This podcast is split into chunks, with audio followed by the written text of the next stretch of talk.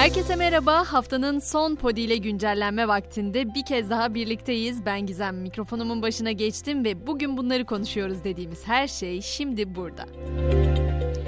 İstanbul'da kar için geri sayım başladı. Cumartesi akşam saatlerinden itibaren başlayacak kar yağışının pazar günü etkisini artırması bekleniyor. Pazar sabah saatlerinden itibaren soğuk havanın etkisine girecek İstanbul'da perşembe gününe kadar aralıklarla kar yağışı göreceğiz gibi. Tabi akıllardaki soru okulların tatili uzayabilir mi acaba? Ama onu da yaşayarak göreceğiz. Öğle saatlerine dönecek olursak Osmaniye bugün 4,6 şiddetinde bir depremle sallandı. Merkez üssü Düziçi ilçesi olan ve çevre illerden de hissedilen sarsıntıda neyse ki herhangi bir hasar ve yaralanma durumu yaşanmadığı belirtildi. Sabah saatlerinin en önemli haberi ise şüphesiz yılın ilk enflasyon verileriydi. TÜİK verilerine göre Ocak ayında tüketici fiyatları bir önceki yılın aynı dönemine göre %57,68 arttı. Aylık enflasyon ise %6,65 olarak açıklandı. Böylelikle aylık enflasyon serisi 49. aya çıktı. Aynı zamanda Ocak ayında görülen aylık enflasyon son 9 ayın en yüksek enflasyonu oldu. Enaga göre ise Ocak ayı enflasyonu bir önceki aya göre %9,26 yükseldi. Yıllık enflasyonda %121,62 oldu. Haklısınız ben de fark ettim ağzımdan bal damladı. Neyse ki iyi haberi de vereceğim. Motorine üst üste 3. indirim geliyor. Yarından geçerli olacak indirimle birlikte motorinin litre fiyatı 68 kuruş daha ucuzlayacak. Avrasya Tüneli'ni ne sıklıkta kullanıyorsunuz bilmiyorum ama sık kullananlardansanız bu haberden sonra keşke ben olsaydım diyeceğinize eminim. Avrasya Tüneli'nden 6 yılda 100 milyon araç geçti. Ulaştırma Bakanı Kara İsmailoğlu da 100 milyonuncu aracın sürücüsünü tünel çıkışında karşıladı ve bir aylık ücretsiz geçiş hediyesi verdi.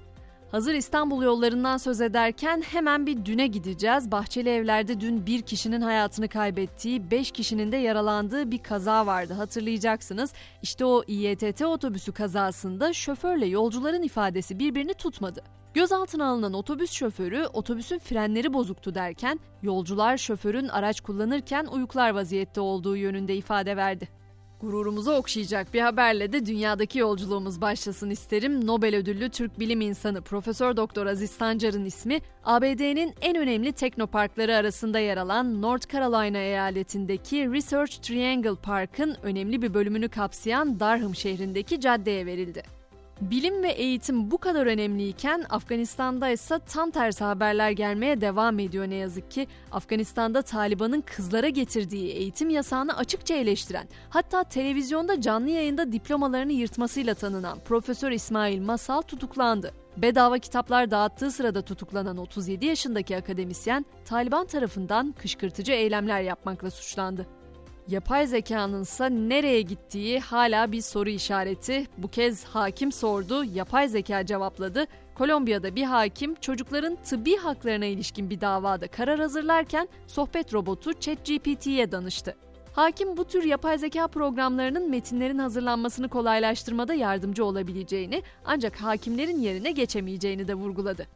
Matrix filmindeki Neo karakteriyle akıllarda yer eden ünlü oyuncu Keanu Reeves'in ise başı bu aralar takıntılı hayranıyla dertte.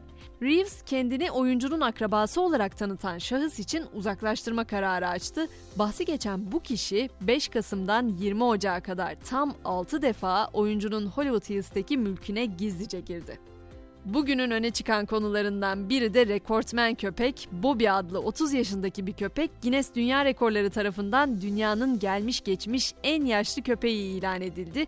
Rekorun eski sahibi 23 yaşındaki bir başka köpekti. Ve eğer Hong Kong gitmeyi planladığınız bir yerse bu haberi iyi dinleyin derim. Çünkü ülke pandemi sonrası turizm endüstrisini canlandırma ve ziyaretçileri şehre geri çekme çabalarının bir parçası olarak 500 bin ücretsiz uçak bileti dağıtacak. Çekiliş 1 Mart'ta başlayacak ama öncelik Güneydoğu Asya ve Çin'in olacak. Biletler dünyanın geri kalanına ise 1 Mayıs'tan itibaren dağıtılacak. Artık spor diyelim biliyorum çok konuştum. Adana Demirspor maçındaki tartışmalı kararların ardından olağanüstü toplanan Fenerbahçe yönetimi Futbol Federasyonu'na gitme kararı aldı. Maç pozisyonlarının yer aldığı bir video yayımlayan Sarı Lacivertli kulüp bu böyle bitmeyecek mesajı verdi. Mesut Özil ise futbolu bırakıyor. Kayseri Spor karşısında ilk 11'de başlayan Mesut Özil kendini fiziksel olarak yetersiz gördü ve futbolu bırakma kararı aldı. Başakşehir 34 yaşındaki Özil'in sözleşmesini feshetmeye hazırlanıyor. Potada ise Avrupa Ligi'nin 23. haftasında Fenerbahçe Beko bu akşam Almanya'nın Alba Berlin takımını konuk edecek. Maç 20.45'te bir diğer temsilcimiz Anadolu Efes ise deplasmanda Yunanistan'ın Olympiakos ekibiyle karşılaşacak. Bu mücadelenin başlama saati de 22 olacak. Ve haftanın son güncelleneni noktalarken günün mottosu bugün bana harika bir dinleyicimden ulaştı. Onun yolladığı Tolstoy'un düşündüren o sözünü ben de buraya bırakmak isterim müsaadenizle. İnsan ölümden korktuğu sürece hiçbir şeye sahip olamaz. Ama ondan korkmayan için her şey ona aittir. Pazartesi sabahı yeniden görüşünceye kadar herkese güzel bir hafta sonu diliyorum. Hoşçakalın.